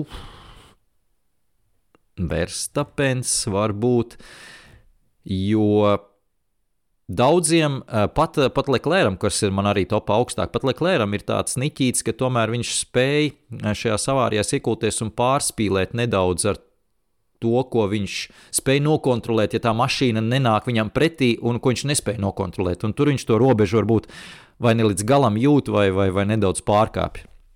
Uh, Albons spēja pagaidām vismaz vairākumā gadījumu to, to parādīt, un tas, tas komandai ir ļoti, ļoti patīkami. Tas komandai ir ārkārtīgi laba sajūta, ka, lai arī ko mēs izdarām, Albons izspēdīs maksimumu, mēs redzēsim, ko tā mašīna spēj, un līdz ar to tas ir tas, ko viņš šobrīd dod. Uh, Protams, tur ir daudz problēmas eh, Viljams komandā. Tur jāsaprot daudz tieši tehniskās lietas, kāpēc tā mašīna bija tik īpatnēji unikāla. Un, un, un eh, līdz galam viņi pat nesaprot, kāpēc viņi bija tik labi atsevišķos posmos. Tā nav, tā nav patīkama situācija. Bet uh, ar Albonu ir viss kārtībā. Tālāk, sestā vieta Piastri. Oskars Piastri debitants, man sestā pozīcija, jums Piastri bija septītais, tā kā apmēram turpat. Jā, Piastri. Man ir milzīgs prieks par Piastri. Beidzot, mums ir kaut kas, kaut kas līdzīgs kā, kā Luis eh, Hamiltona debija. Piastri debija um, izcilākie panākumi, um, goda piedestāli, uzvaras sprintā galu galā Oskaram Piastri, un es esmu viņu slavējis daudz un dikti. Kā, kā gan neslavēt? Uh, Piastri, jo tā pārliecība, kas viņam ir pirmajā sezonā, un tā paškritika, bet tai pašā laikā tāda ļoti loģiska un uh, samērota paškritika atšķirībā no Lando Norris. Par Norris mēs vēl parunāsim. Uh, bet uh, dikti prātīgs viņš ir. Es nesaprotu, vai tur viņam vecāki ir piestrādājuši, vai viņš pēc dabas tāds ir, vai tomēr Marks Vēbers viņu ir daudz sitis. es, protams, smējos. Sitis un ieskolojis to, to to paškritiku un, un, un to, ka nedrīkst sprēgāt, lai arī cik labs tu esi eh, kā debitants, un vienmēr jāskatās, kur tu vari uzlabot, un tās ir tās labās īpašības. Un es jau te minēju, vienreiz, tagad neatceros, kur, bet eh, tas, tas labākais, ko es piefiksēju, tā bija, mm, ja nemaldos, tā bija Meksikas sacīkste, kur viņam bija sadursme ar Cunodu. Jā, man liekas, tas bija jā, ar Cunodu, un Cunoda, nu, tā bija viena no reizēm, kur Cunoda atkal uztaisīja kamikādas gājienu. Tas, tas bija Tas bija diezgan nepatīkams moments. Mēģinot, varbūt rehabilitēties un mēģinot tikt pie tā ātruma, kas, kas bija tajā sacīkstēts un nodoms, un nodu pārspīlē, saskrējās ar Piastri. Uh, un, protams, visa vaina Cunodas pusē, un kā, kāds bija komentārs no Piastri, komentārs bija sekojošs, ka uh, es šajā visā Nu, viņš neteica, vainoju sevi, bet es redzu, kur es varu uzlabot, jo mans uzdevums bija nenonākt tādā situācijā, kad kāds cits pilots var mani izsist no sacīkstes. Man bija jābūt labākās pozīcijās, kaut kur priekšā, kur startā, protams, nav neesmu lielākajā burzmā un kur ir bīstami izkrist. Un, un viņš skatās uz sevi. Nu, tas, ka tas otrs ir Uh, tam otram aizkrita šķirmes, un viņš uztaisīja kamikādas gājienu pret mani. Es tur neko nevaru izmainīt, bet es varu izmainīt, lai es nenonāktu tādā situācijā, un tas ir ārkārtīgi prātīgi. Jo pilotiem, ja viņi izstājas, ja piedzīvo sadursmi, nu, pirmā doma ir atrast vainīgo. Un šeit, starp citu, pavērojiet, ja jūs neesat redzējuši, Estebans Okons ir viens no tiem, kas, kas savas vainas nu, īsti neatzīst. Pat ja tur daļēji tāda ir, nav, nav nav gatavs atzīt, ir meklē, meklē vainīgo un ātri atrod. Nu, viņam tas ir kā aizsardzības mehānisms savā ziņā, ja varbūt iestrādājies, un viņš meklē ātri vainīgo. Un vismaz priekš sevis viņam jāatrod tas vainīgais. Ir. Tā kā Piastri ir ļoti, ļoti tāds, tāds pilns, ar, ar, kas šobrīd ir. Es teiktu, uz, uz augšu pejošs līknes, un, un paskatīsimies, kā viņam ies nākamajā sezonā. Uh, Nākamais, piektā pozīcija, Lando Norris. Lando Norris, eh, apskatīsimies, kur viņš ir jums. Lando Norris. Eh, trešais ir jums, tā kā mani piektajā vietā, tieši virs Piastri. Uh, jā, Lando Norris man arī būtu bijis augstāk, un beigās es tomēr arī vērtējot viņu un tieši šo konkurentu, kas viņam ir priekšā, es vēl neminēšu, lai saglabājas kaut kāda neliela intriga, bet starp viņiem man, man jā, pastāvēja arī domas, vai nolikt vienu priekšā vai otru. Tad to pēdējo svaru kausu sasvēra par sliktu Lando Norrisam fakts, ka bija pietiekami daudz kļūdas tādos izšķirošos brīžos, un nu, tur nebija viena vai divas. Tur jau tā kā ar vienu roku pietrūkst lai vienas rokas pirkstiem pietrūkst, lai saskaitītu tās kļūdas eh, kvalifikācijā. Un vēl viņš pats arī sāk, protams, šo paškritikas vilni vai always me. Sestdienās, ka vispār var neierasties uz kvalifikāciju. Eh, protams, tas ir pārspīlēts, un, protams, es arī minēju, ka tā ir tāda viņa gadījumā, tā jau ir savukārt paškritika, kas eh, nedaudz destruktīva var, var kļūt un kas ir jākontrolē. Un es ļoti ceru, ka Andrejs Stēla komandas vadītājs tomēr mēģina kaut kādā veidā iegrozīt pareizā virzienā tās Norisas smadzenes, ka nav jau viss tik slikti un ka tu tik slikts neesi, kā tu sevi noliec. Protams, ka, ka ir paškritika laba lieta, kā mēs ar Piastri runājam, bet, kā jau teicu, tā viņam tā paškritika ir, viņš arī sevi. Sevi nedaudz, varbūt sev atņem to pārliecību tādā veidā. Tas, manuprāt, šobrīd, un viņš jau iziet uz starta tajā sestdienā ar domu, ka es varu es varu, es esmu spējīgs salaist to grīstē. Nevis ar domu, ka es spēju paņemt pozīciju, kā būtu jābūt. Jo īpaši sacīkšu pilotiem viņām būtu milzīgai pašpārliecībai sevī. Uh, bet viņš iziet ar domu, ka es spēju salaist grīstē. Un tas, tas ir tā šaurā robeža, kas ir jā, jāmēģina kontrolēt komandas vadītājiem. Uh, lai tajā, tajā pusē neaizkristu Norris, un man ir sajūta, ka viņš nedaudz aizkrits tajā pusē. Uh, līdz ar to tas ir mīnus. Tas, kā cilvēki, kā cilvēki mums liek viņu, protams, pažēlot, bet kā pilotam tā ir vājā vieta. Nu, tur neko mēs nevaram darīt. No tā neizbēgt. Ja tas nebūtu, tad sacīkstē viņš pilnīgi noteikti ir pārāks par Piastri. sacīkšu režīmā ar McLaren Renaissance sezonas vidusdaļā. Fantastisks sniegums. Spēja arī strādāt ar riepām. Šobrīd tā pieredze ir London Norrisam pietiekami liela, un vienmēr neaizmirstam tomēr, ka ir šis faktors, neredzamais faktors, ar ko jācīnās, ir Lando Norrisam, proti, ar šīm īpatnībām, McLaren formulas īpatnībām, ar ko tā arī netika galā. Daniels Rikārdo, tagad Daniels Rikārdo no McLaren aizgājis, ir viņa vietā ir pie Astri, un mēs, mēs tā kā varbūt vairs par to nerunājam tik daudz, un liekas, ka varbūt nav vairs tas, tā, tā īpatnība, bet tā īpatnība pastāv, un Lando Norris ik pa brīdim pieklājīgi atgādina, ka tā īpatnība ir, un man joprojām arī ar to ir jācīnās, bet es esmu ar to iemācījies cīnīties, bet joprojām es nebraucu brīvi, un līdz ar to ir jāvelta daļa no manām spējām, mana smadzeņu resursu un tā tālāk, lai tiktu galā ar šo īpatnību, ko es nevaru veltīt citām lietām. Vai tas ir tiešai, vai tam ir tiešais sakars ar kvalifikācijas snieguma problēmām, es neesmu pārliecināts, bet tikpat labi arī. Tā kā varbūt ne tieši konteksts tur ir, bet, bet kaut kāda daļēja ietekme arī tajā varbūt ir. Tas ir jāņem vērā, ar to joprojām cīnās Lando Norris. Es ļoti ceru, to psiholoģisko pusi sakārtos, un tur būs, tur būs lieliski viss. Tālāk, ceturtā vieta - Lūsis Hamiltons. Paskatīsimies, dāmas un kungi. Jums Lūsis Hamiltons ir sestajā pozīcijā. Lūsis Hamiltons es ik pa brīdim slavēju un varētu noteikti daudz jau, man liekas, man arī tika pārmests, ka es esmu Lūsis Hamiltona fanboy un, godīgi sakot, es neesmu. Bet es pāris gadus atpakaļ rakstīju par viņu rakstu, un to es varu esmu pieminējis diezgan daudz, arī lasīju gatavoties šim rakstam, gan grāmatas, gan, gan publikācijas par viņu un intervijas, vēl ļoti senas intervijas, vēl galīgi jauns un zaļš viņš bija. Un, un man krietni vairāk kļūst skaidrs, kāpēc Lūsis Hamiltons tieši uzvedības ziņā psiholoģiskā ziņā ir izveidojies par tādu personību, kā viņš izveidojies šobrīd. Līdz ar to man tas nesit pa nerviem, bet es pilnīgi saprotu, ka daudziem cilvēkiem varētu sist pa nerviem, ja viņš vienkārši ieslēdz televizoru bez varbūt padziļināta zināšana, zināšanām, kāpēc, kāpēc Lūsis Hamiltons uzvedas, kā viņš uzvedas, kāpēc viņš ir izveidojis tādu personību. Un tagad uh, klausāmies viņa interviju vai viņa runāšanas stilu un veidu. Nu, tas ir īpatnējs. Protams, ka tas ir īpatnējs mums, kā tādiem parastiem cilvēkiem, liekas, nu, tas gan ir. Uh, vīzdegunīgs un, un, un deguns debesīs. Bet, kā jau teicu, kad mēs izprotam, kāpēc viņš tāds izveidojies, ir tad, tad mēs varam nolikt to malā, un tas varbūt tik ļoti nesit pa nerviem, un viņa, un tas, protams, līdz nāk arī viņa komunikācijas uh, stils sacīkstē arī viss. Uh, kas brīžiem var likties normāli, bet ne, nav normāli. Bet neaizmirstam, ka mēs sēžam uz dīvāna, graužam čipšus, un mums ir uh, pulss pie 60 sitieniem minūtē. Viņam ir uh, pie 120 uh, un, vai, vai vēl krietni vairāk.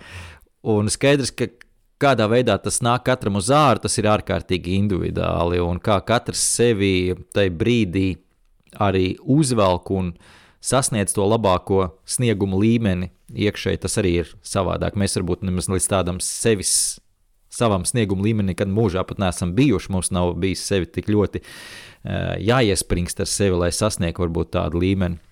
Līdz ar to nu, es teiktu, ka tas ir nedaudz varbūt. Nepamatot mums uzbrukt gan Hamiltonam, gan arī Cunodam šajā ziņā. Protams, tur mēs varam teikt, ka nedrīkst tā lamāties, un, bet uh, tur vienmēr jāskatās tā otra puse. Ir, un, uh, kaut kādā veidā tas līdzsvars ir jāatrod. Eh, bet par Hamiltonu, kāpēc tik augstu arī Hamiltons, tad eh, ne jau tās īpašības un tās, tās tā psiholoģija, bet faktiski snieguma kvalitāte mm, lielāko daļu sezonas viņš bija.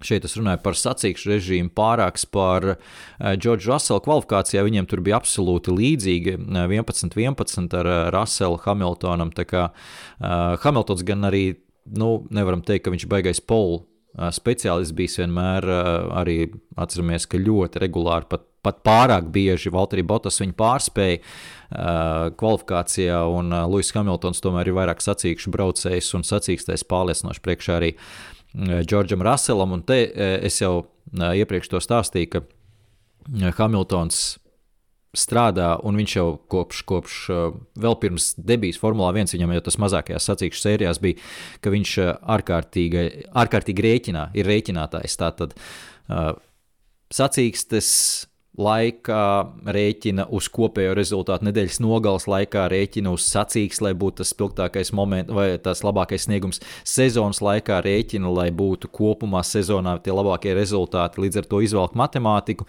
Mm, un Tāpēc tas, tas nes titulus. Šāda rēķināšana nes titulus. Savukārt, tas, ko darīja Džordžs Rasels, viņš gāja ļoti bieži varbūt uz eh, pilnu banku un to vajag to vienu uzvaru. Un, un, un tas nekas, ka būs pie sasīs cils, kas arī saprotams šajā situācijā, kad necīnās par čempionu titulu. Kāpēc ne? Labāk paņemt varbūt to vienu uzvaru sezonā un, un vismaz mēģinājis es būtu.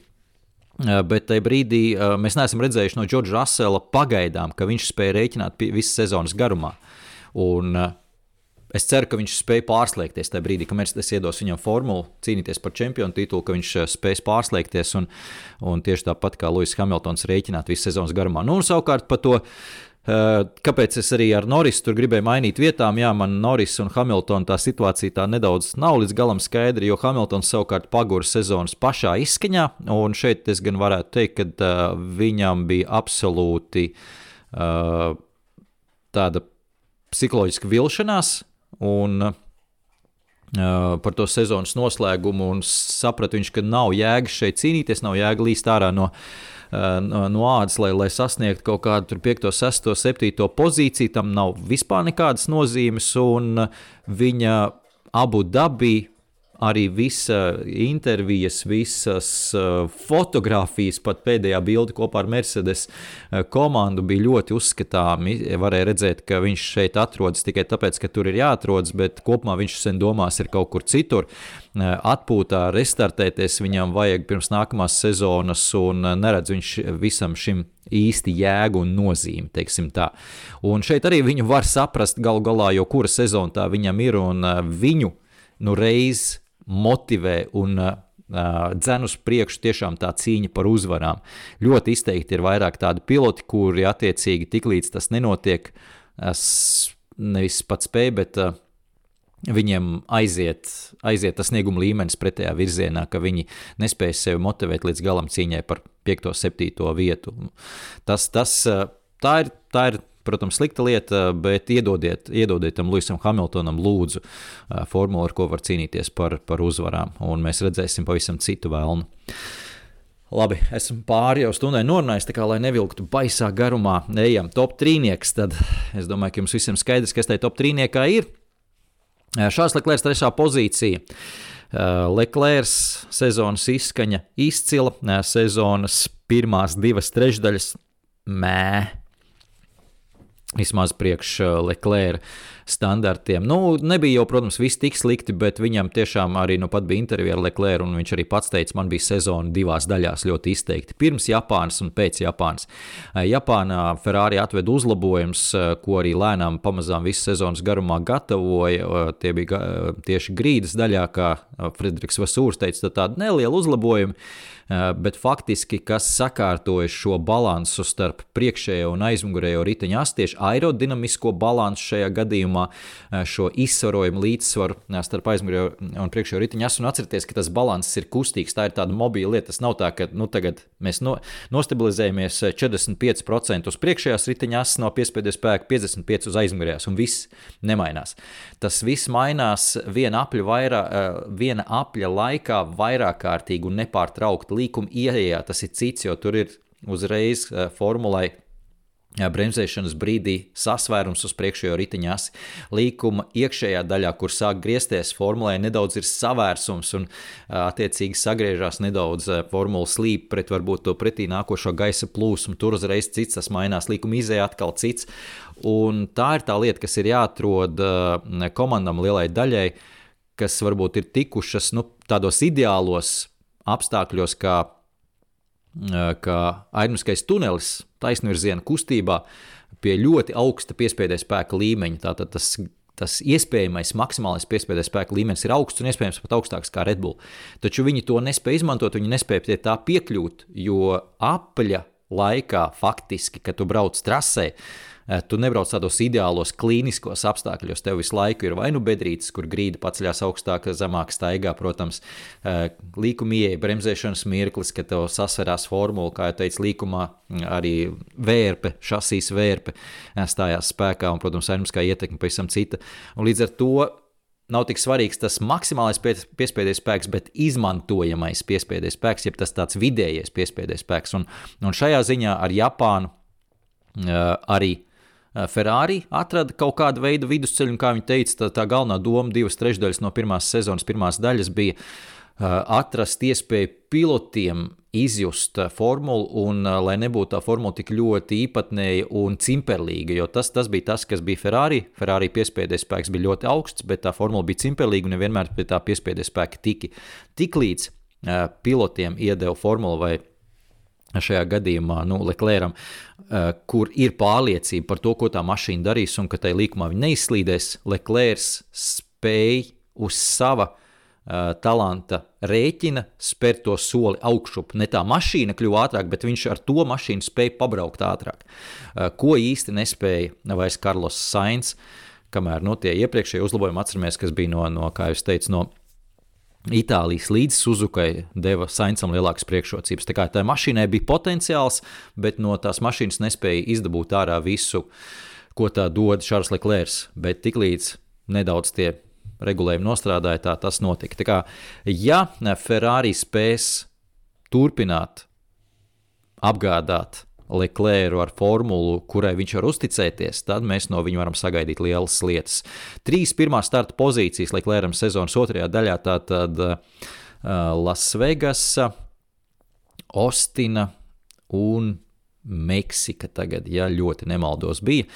Uh, pirmajos posmos uh, visās, visās 15 sacīkstēs tikpat vidējā starta pozīcijas, starp citu, Pēc Japānas es apskatījos 2,3 starta pozīciju. Pēc Japānas, pirms Japānas 6,3. Uh, finišā pēc Japānas 3,2.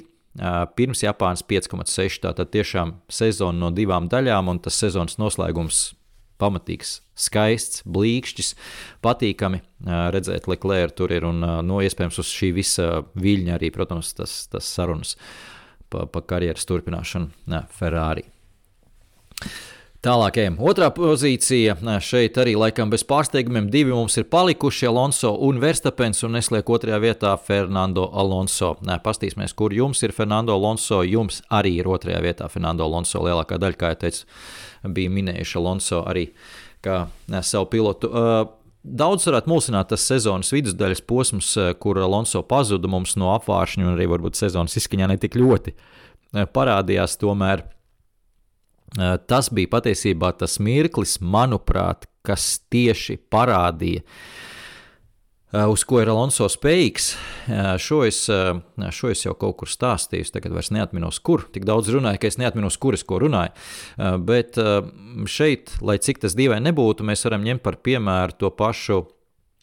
Lansu strolu un viņa sniegumu, jo, lai kā jūs zākātu Lansu strolu, Uh, viņš nav, nav jau viņš slikts. Nav jau viņš slikts. Uh, ir pilnīgi noteikti normāls pilots, kuram ir kaut kādas stiprās puses uh, un īpašības, jo sevišķi varbūt zemes saķers apstākļos, tādās žūstošās trasēs, atceramies, ka ir godu piedestāli bijuši un pieredze viņam ir pietiekami liela, un viņš var pabraukt ļoti, ļoti solīdi. Vai viņš būs pasaules čempionu līmeņa pilots? Protams, nē, bet ir labs, teiksim tā. Un tas nozīmē, ka, uh, ja mēs viņu ņemam kā par atskaites punktu, par tādu labu, solīdu pilotu, tad uh, tur Alonso sniegums un viņa pārspēks arī kļūst visuzskatāmāk redzams. Un, protams, tas bija tajos brīžos, kad formula ir uh, konkurēt nespējīga. Tajā brīdī atstarpe starp Alonso un Strolu pieauga vienkārši katastrofāli. Uh, Savukārt sezonas izskaņā un atsevišķos posmos arī sezonas pirmajā daļā, kad Aston Martin formula No sezonas sākumā varbūt ne tik ļoti, jo tur arī Lond uh, Strauss nebija pieradis pie tās formulas. Tā kā objektīvāk ir pat skatīties uz sezonas beigām, kad, uh, kad bija strādājis visu sezonas garumā, arī Strauss ar to formulu un bija sapratis, kā tā strādā. Mēs redzējām, ka viņš ir krietni, krietni tuvāk Alonso. Ja Alonso ir 4, tad Strauss ir 6. Alonso bija 3, um, Strauss turpat aizmirst 5. Un tā ir tā vieta, kur viņam ir jābūt, un mēs viņam nepārmestu absolūti neko. Uh, taču, kā jau teicu, ja mēs vērtējam Alonso atsevišķi tajā visā, tad tas uzskatāmākais pārsvars Alonso bija sezonas vidusdaļā, ka tā mašīna bija nekāda, ka bija aizgājuši kaut kur šķērsām pilnīgi uh, Aston Martin savos, savos attīstības uh, izlūk gājienos, un Strauss bija nekurienē. Savukārt Fernando Alonso joprojām bija solīdos punktos, jā, nebija vairs tie godu piedestāli, bet bija punkti turpatās, un tas pārsvars bija pret komandi, komandas biedru milzīgs. Un tas ir tas pārspēks, kas joprojām ir Lanso, ko es teicu, kas ir arī Albonam. Ja tā mašīna, lai kāda būtu mašīna, ko mēs iedodam Alonso uz starta, viņš no tās mašīnas izspiedīs maksimumu. Protams, ja viņš ir motivēts, un šobrīd viņš izskatās ļoti motivēts joprojām, kas ir pārsteidzoši, viņš izspiedīs no viņas maksimumu. Un mēs redzēsim, uz ko tā mašīna ir spējīga. Ja tā mašīna tajā posmā finišēja ar Alonso 8. vietā, tad tā mašīna bija spējīga labi jau uz 9. vietu.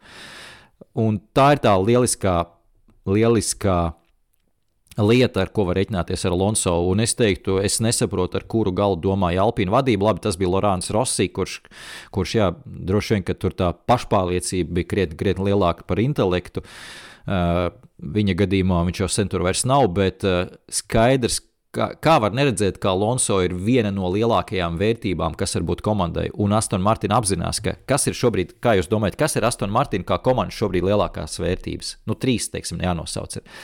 Tad viennozīmīgi tas varētu būt tas, ka ir jaunas iekārtas, modernas, šobrīd jauna bāze sacelt, kas ir tas pamats, uz kā attīstīt, attīstīties un veidoties, kas līdz ar to pievilina varbūt arī tos vadošos cilvēkus, arī tehniķus un inženierus un tā tālāk. Un Fernando Alonso. Nu, pilnīgi noteikti tas ir Fernando Alonso. Tas ir viens no tiem stabilākajiem stūrakmeņiem, kas viņam šobrīd ir. Viņam ir jāturās pie viņa. Viņi dos viņam tik līgumus, cik, cik viņš ilgi gribēs kamēr viņš būs tajā līmenī, jo, kā jau teicu, viņš parāda patieso šobrīd komandas līmeni. Tā kā, jā, to viņš arī demonstrēja. Un, protams, man personīgi, kāpēc es viņu pavilku, varbūt vēl to kripatiņu uz augšu un uh, priekšā Leclēram, man personīgi joprojām Brazīlijas lielās balss izcīņa un tas, tā meistarklase, ūlā, lā, es joprojām esmu mērnā sajūsmā, viens no spilgtākajiem, man pašam emocionāli arī uh, viens no, no patīkamākajiem posmiem. Uh, šogad bija Brazīlija, šī garā cīņa, ilgstošā. Un sacīks kā tāda nebija jau tā, ka tur ir nenormāli aizraujoši, bet tā divu cīņu redzat, cik maz vajag patiesībā. Nevajag jau tās daudzās apdzīšanas, bet pietiek varbūt ar, ar pāris apdzīšanām, bet uh, pastāvīgu intrigu ar, ar, ar spilgtu rezultātu un, un savstarpējo saspēli, spilgtu pa vidu tam visam. Un, tas, bija, tas bija ģeniāli. Un Alonso tāpēc arī varbūt to vienu vai divas pozīcijas pavilku vēl uz augšu. Nu, un pirmā vieta šeit bez pārsteigumiem, tieši tāpat kā jums, tā arī man ir Maks Verstapens. Par Maksu Verstapenu, par kritumiem viņa gadījumā nav īpaši daudz ko runāt šogad jo faktiski viņa nu, tādas, tādas vājās vietas viņa, viņa arsenālā nav. Bet uh, nevar aizmirst, ka kopumā sezonas laikā ļoti, ļoti reti viņš tika piespiest pie sienas. Vai, vai iespiest stūrī, uh, ļoti reti sezonas laikā viņam tiek, uh, tika tāds pamatīgs stress, kur bija jāizsargājās. Un līdz ar to, protams, kā jau teicu, iepriekš ir vieglāk noturēt to augsto līmeni stabili, ja tu brauc uz 95%, nevis uz 99% vai 100%. Man vienmēr mulsina, ka saka uz 110%. Kā tas ir iespējams?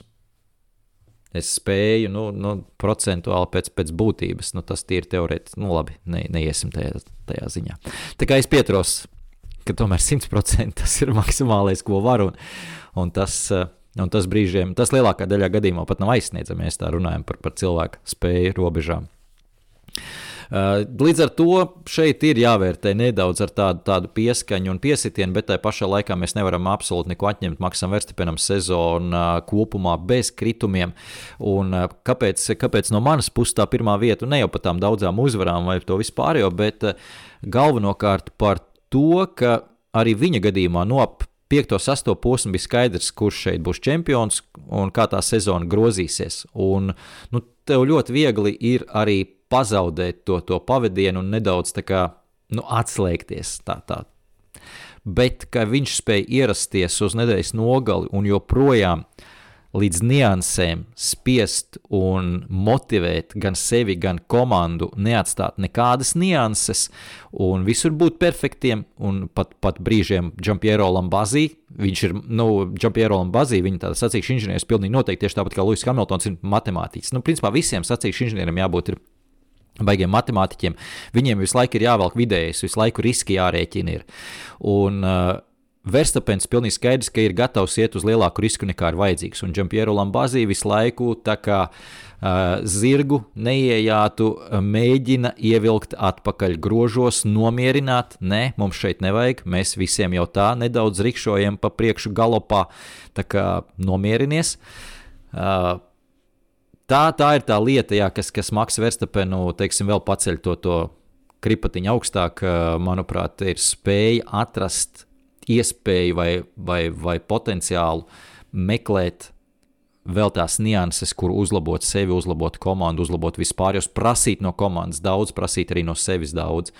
Un uh, skaidrs, ka tur neglāja gludi, un tur bija šīs uh, arī lamāšanās un vispārējā un sašutumi, bet tas ir tas brīdis, kas parāda tieši to, ka viņš nav apmierināts. Nu, kā jau teicu, tāds pragmatisks cilvēks. Uh, nu, tur kaut kas neiet līdz galam, bet mēs tāpat esam visiem priekšā. Nu, kāda starpība? Nu, tiešām, bet tas, tas parāda, kāpēc arī viņš ir tur ticis. Tā kā, jā, tik tālu par, par topu. Ātri pavisam vēlreiz top 10 no manas puses. 10 Cunoda, tālāk Rasels 9. vietā, 8. Sainz, 7. Albons, 6. Piastri, 5. Norris, 4. Hamiltons, 3. Leclerc, 2. Alonso un 1. Maks Verstapens. Nu, pāris lietas mums ar, man ar jums visiem ļoti līdzīgs. Tāda Verstapens Alonso, pirmais divnieks, jums Leclerc, ceturtais, man trešais. Noris 5. attiecīgi. Nu, Hamiltons jums bija zemāk, man bija 4. vietā, jums 6. Nu, un Jācunoda pirmajā desmitniekā, kas, kas nebija vispār jums pirmajā desmitniekā. Tā kā tādā ziņā, jā, es pastījos vēl te. Tops. Nu, es ceru, ka esat apmierināti. Kā jau teicu, ja ir kaut kādas interesantas lietas, ko varbūt neizstāstīju, ko gribat piebilst, droši rakstiet komentāros. Nākamais podkāsts tagad pavisam ilgi nebūs jāgaida. Es gan nezinu, kādā formātā es to taisīšu, bet biju apsolījis un joprojām turos pie sava solījuma uztaisīt nelielu apskatu vismaz par Brown GP dokumentālo filmu. To arī izdarīšu. Kad? Nevar solīt, bet pilnīgi noteikti ilgi nebūs jāgaida, jo nāk vas, vasaras, ziemas, ziemas brīvlaiks. Nāk, protams, bez Formulas 1 jau tāpat būs grūti iztikt, bet to noteikti izdarīšu. Un, kā jau teicu, turēšu arī roku uz pulsa attiecībā par šīm ziņām, jaunumiem, kas ir Formula 1, un ļoti iespējams, ka kaut kāda veida analīze par šiem jaunumiem arī sekos tieši, tieši audio formātā. Ļoti iespējams īsā versijā, tad tie būs atrodami Patreon lapā. Paldies visiem, kas, kā jau teicu, iesūtīja savus topus. Ļoti to novērtēju. Paldies visiem, kas noklausījās līdz galam. Un turpinam sekot Formule 1 čempionātam un tiekamies trasē. Atā.